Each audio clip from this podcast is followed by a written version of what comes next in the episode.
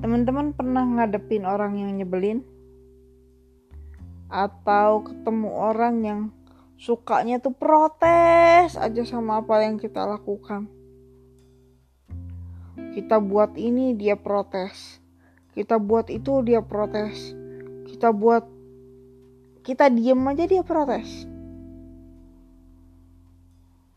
Pokoknya demennya protes aja kayaknya di mata dia kita udah salah gitu. Mungkin kalau bahasa Inggrisnya haters. Teman-teman punya haters? Kalau nggak punya, mau aku bagi. Aku punya banyak loh orang model kayak begitu. Mau dibagi nggak? nggak usah lah ya. Uh, aku yakin semua orang pernah ngadepin orang kayak begitu. Antara pernah atau sedang atau mungkin sering ngadepin yang kayak gitu.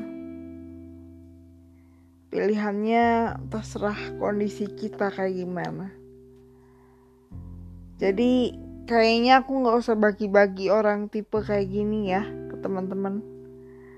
Karena semua juga udah punya kan? Oke okay lah. Aku simpen sendiri aja orang kayak gitu ya. Oke. Okay. sekarang pertanyaannya apa sih fungsinya mereka di hidup kita? Katanya Tuhan itu punya rencana yang indah buat semua orang. Terus kenapa Tuhan ciptain orang model kayak gitu? Terus kenapa harus ditemuin sama kita? Terus kenapa juga kita yang harus berhadapan sama mereka? Satu lagi pertanyaannya, kenapa sih di dunia ini Gak semua orang suka sama kita dan apa yang kita kerjain. Kurang lebih pertanyaan-pertanyaannya kan kayak gitu ya. Kalau kita lagi ketemu sama orang nyebelin. Udah orangnya nyebelin, gak suka sama kita, hidup lagi. Buat apa sih dia hidup gitu kan? Nah, sekarang Aku mau cerita nih. Beberapa hari ini aku mikirin hal ini juga. Mempertanyakan hal yang sama. Terus aku merenung sekian lama. Ada diskusi juga sih sama beberapa orang. Terus akhirnya setelah sekitar 3 sampai 4 hari akhirnya aku ketemu jawabannya teman-teman. Atas pertanyaan-pertanyaan ini aku ketemu jawabannya. Apa jawabannya? Penasaran kan? Nah itu dia yang aku mau ceritain. Di episode kali ini aku mau bahas itu sekarang. Kita mulai ya pembahasannya. Kenapa kita harus berhadapan sama orang yang modelnya kayak gitu. Entah itu namanya nyebelin atau dia sebel sama kita.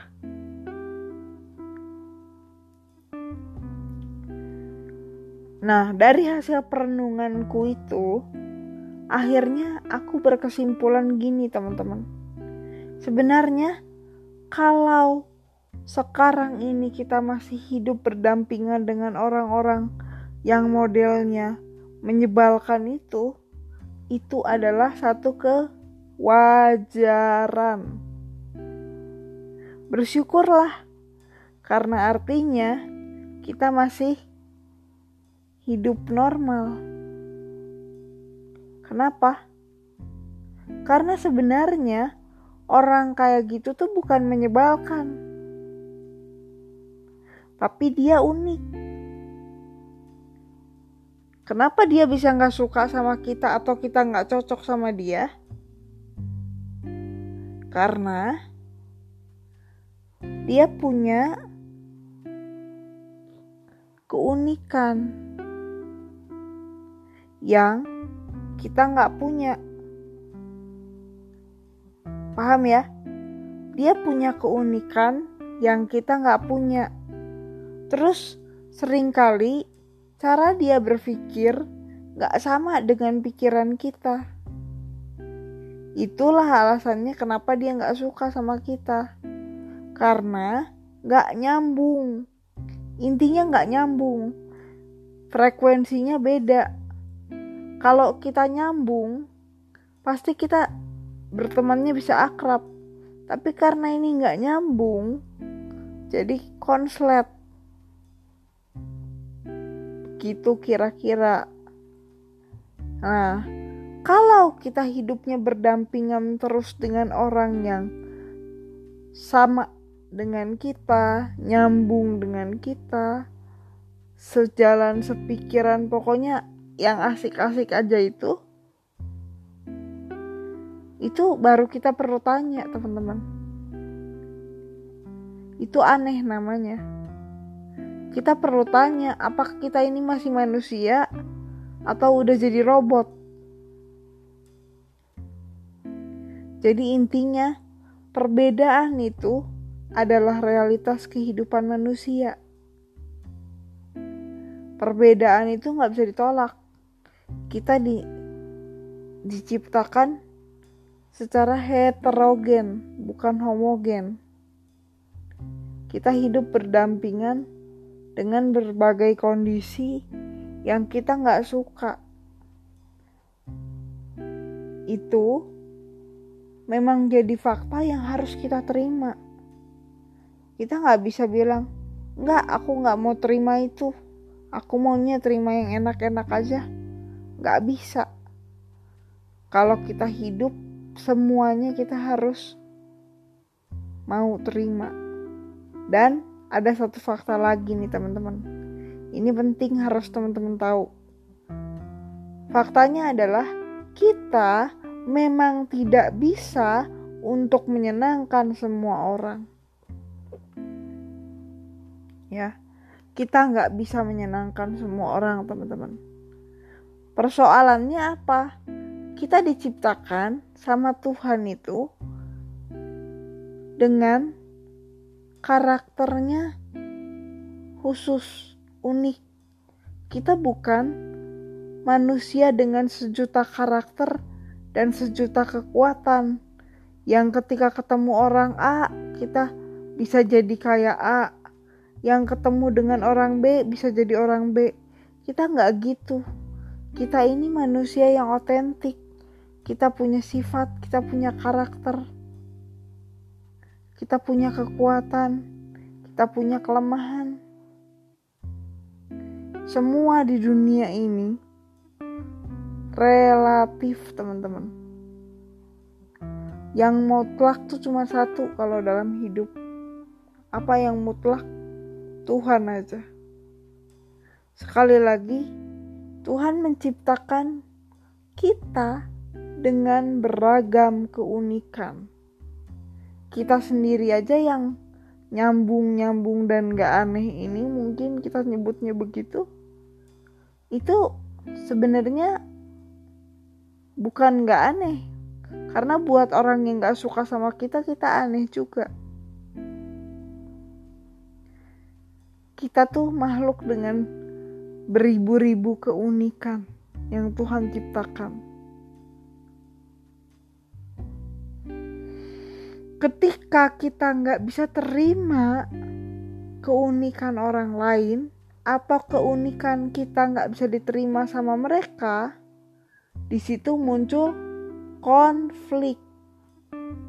Dan ketika ada konflik, di situ keluarlah seleksi alam yang gak suka sama kita siapa, yang suka sama kita siapa, yang mana temen, yang mana lawan, itu ketahuan semua dengan seleksi alam, ya. Tapi teman-teman sadar nggak sih kalau sebenarnya orang-orang yang nyebelin atau nggak suka sama kita itu adalah orang-orang yang paling perhatian sama kita loh sebenarnya. Serius ini. Aku ngomong bukan bercanda. Kenapa aku bisa ngomong gitu? Sekarang kita pikirin sama-sama ya, pelan-pelan nih aku ngomong. Dia kan kesel ya sama kita ya. Nah, orang yang kesel sama kita gitu, biasanya pengennya tuh ngomongin kita terus. Bener gak? Jadi, mereka kan cari bahan terus tuh buat ngomongin kita. Nah, cara cari bahannya gimana? Mereka perhatiin kita. Perhatiin apa yang kita lakuin. Cari salahnya di mana. Nah, jadi bener dong. Mereka yang gak suka sama kita itu sebetulnya paling perhatian. Karena segala hal bisa dikomenin hal yang gak kepikiran sama kita buat dikomplain pun bisa dikomplain. Benar kan? Iya begitulah orang. Jadi orang yang paling perhatian sama kita itu adalah orang yang katanya gak suka sama kita. Lantas kalau kayak gitu siapa sih sebenarnya yang salah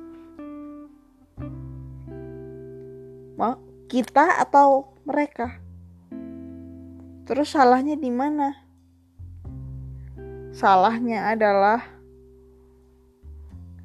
cara kita berpikir tentang dia. Itu. Salahnya adalah cara kita berpikir tentang dia atau tentang mereka itu. Teman-teman terkasih, untuk berhadapan sama orang kayak begini, ya, dibutuhkan teknik khusus. Teknik khususnya apa? Sediakan pikiran yang lebih jernih. Level penguasaan diri kita harus ada di atas mereka. Kunci untuk berhadapan dengan orang kaya begini itu kita harus punya pikiran yang tenang dan lebih dewasa daripada dia atau mereka itu. Kita harus punya emosi yang lebih stabil dan lebih matang. Kita semua, artinya termasuk mereka-mereka yang menyebalkan itu juga ya diciptakan Tuhan untuk tujuan yang baik. Tuhan punya tujuan khusus kenapa kita berhadapan dengan mereka yang menyebalkan itu. Tujuan khususnya apa? Alasan yang paling kelihatan kalau tujuan khusus kan nggak diberikan uh, aku nggak tahu secara total ya apa itu dan sebagainya tapi yang paling kelihatan adalah Tuhan pengen kita punya daya pengendalian emosi yang lebih baik dan meningkat. Berarti, kalau kita berhadapan dengan orang menyebalkan, mungkin aja kita selama ini tuh kurang sabar, atau kita terlalu egois Nah, dengan hadirnya orang yang kayak gitu, Tuhan minta kita untuk memperhatikan orang lain. Jangan egois sama kemauan sendiri. Karena apa, teman-teman? Orang yang bertingkah nyeleneh dan menjebalkan dan katanya nggak suka sama kita itu, atau yang kita sebut haters itu, biasanya orang yang kurang perhatian di rumahnya. Dia pengen diperhatiin, dia pengen bikin sensasi, jadi dia komenin kita. Gitu.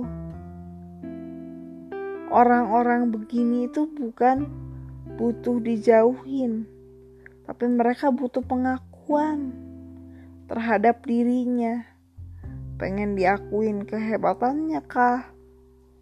Atau gimana? Ya. Tuhan pengen kita memperhatikan orang lain. Selama kita masih hidup, yang namanya konflik itu pasti ada yang namanya orang gak suka sama kita itu pasti ada tapi jangan khawatir orang yang suka sama kita juga pasti banyak da orang teh ganti-ganti kan ya? Gitu. Nah ini penting teman-teman. Sekali lagi aku kasih tahu. Kita tidak bisa menyenangkan semua orang. Itu harus dipegang. Karena sebagai manusia kita punya kehendak bebas, ya. Nah, ini kita harus menggunakan kehendak bebas kita itu dengan bijak. Orang bebas memilih mau suka sama kita atau enggak. Nah, gitu juga kita. Kita bebas mau kasih respon apa terhadap orang yang gak suka sama kita atau dengan situasi yang lagi kita hadapi. Mau kita ikutan kesal atau mau kita tetap senyumin. Itu pilihannya ada di tangan kita. Orang yang dewasa dan matang pasti tahu harus bersikap apa dan bagaimana. Sekarang kita lihat Alkitab ya. Apa sih kata Tuhan tentang hal ini? Yohanes 13 ayat 34 dan 35 mengatakan, Aku memberikan perintah baru kepada kamu, yaitu supaya kamu saling mengasihi, sama seperti aku telah mengasihi kamu, demikian pula kamu harus saling mengasihi. Dengan demikian, semua orang akan tahu bahwa kamu adalah murid-muridku yaitu jika kamu saling mengasihi. Ini ada lagunya di KJ atau PKJ ya. Judulnya perintah baru karena memang perikopnya adalah tentang perintah baru. Nah, dari ayat ini kita bisa lihat bahwa Alkitab jelas sekali ngajarin kita untuk saling mengasihi. Tuhan Yesus nggak bilang, Selin, kamu mengasihinya orang yang mengasihi kamu, terus orang yang kamu senengin, orang yang kamu sayang, orang yang sepikiran sama kamu, orang yang rawat kamu dari kecil, bukan. Tulisannya nggak bersyarat seperti itu. Sekali lagi, bukan kalimat itu yang tertulis di Alkitab, bukan. Tuhan Yesus bilangnya apa? Kita harus saling mengasihi. Orang dengan model karakter seperti apa pun tetap harus kita kasihi. Teladan yang kita ikuti adalah Yesus yang mengasihi tanpa batas. Jadi, kalau kita mengaku sebagai murid Kristus, maka mengasihi adalah tugas dari kita. Dan kalau kita saling mengasihi, itu bisa jadi tanda bahwa kita udah jadi pengikut Kristus. Bahkan masih banyak lagi ayat yang lain yang bilang kalau orang yang seperti itu harus dikasihi dan diperhatikan, bukan dijauhin. Enggak. Kita harus tetap berbuat baik kalau misalkan orang bilang kita nggak baik tapi kita tetap lakukan yang baik. Orang mungkin gak suka dengan apa yang kita lakukan, tapi kalau kita mengikuti firman Tuhan, maka kita akan berpikir ini adalah perintah Tuhan. Kita bukan lakuin buat dia, dia mau tolak juga gak apa-apa. Yang penting aku melakukan apa yang Tuhan suruh. Pola pikir seperti itu harus kita punya. Teman-teman, kita nggak bisa paksa orang untuk suka dengan apa yang kita kerjain. Tapi Tuhan Yesus kasih kita tugas khusus tadi di ayatnya untuk melakukan segala sesuatu dengan baik dan yang terbaik. Ini adalah hanya Tuhan bantu kita kita bisa lakukan itu hanya kalau kita tertuju pada Tuhan kita bisa tetap melakukan yang baik yang seperti Tuhan perintahkan jadi mau teman-teman lakukan apa pun Lakukanlah semuanya dengan mata yang tertuju pada Tuhan. Sebagai penutup dari episode kali ini, aku mau kasih satu ayat sama teman-teman. Tapi ayat ini aku mau bacain dalam dua versi. Versi yang pertama Alkitab terjemahan baru kayak biasa. Sebetulnya bahasanya juga sudah oke, okay, tapi akan lebih jelas kalau kita bandingkan dengan yang satunya lagi. Oke, kita baca dulu ya. Lukas 17 ayat 10. Dengan demikian jugalah kamu apabila kamu telah melakukan segala sesuatu yang ditugaskan kepadamu, hendaklah kamu berkata, "Kami adalah hamba-hamba yang tidak berguna." Kami hanya melakukan apa yang harus kami lakukan. Nah, kalau di dalam Alkitab Bahasa Indonesia masa kini ditulisnya begini, teman-teman. Begitu juga kalian. Kalau kalian sudah melakukan semua yang diperintahkan kepada kalian, katakanlah, "Kami hanya pelayan biasa. Kami hanya melakukan kewajiban kami. Jadi, kan kalau orang kerja nih di satu perusahaan, terus dia melakukan pekerjaannya dengan baik, perlu diapresiasi nggak? Karena emang itu tugasnya bukan sesuatu yang spesial lagi. Kita harus melakukan sesuatu yang baik. Itu bukan spesial namanya. Itu biasa.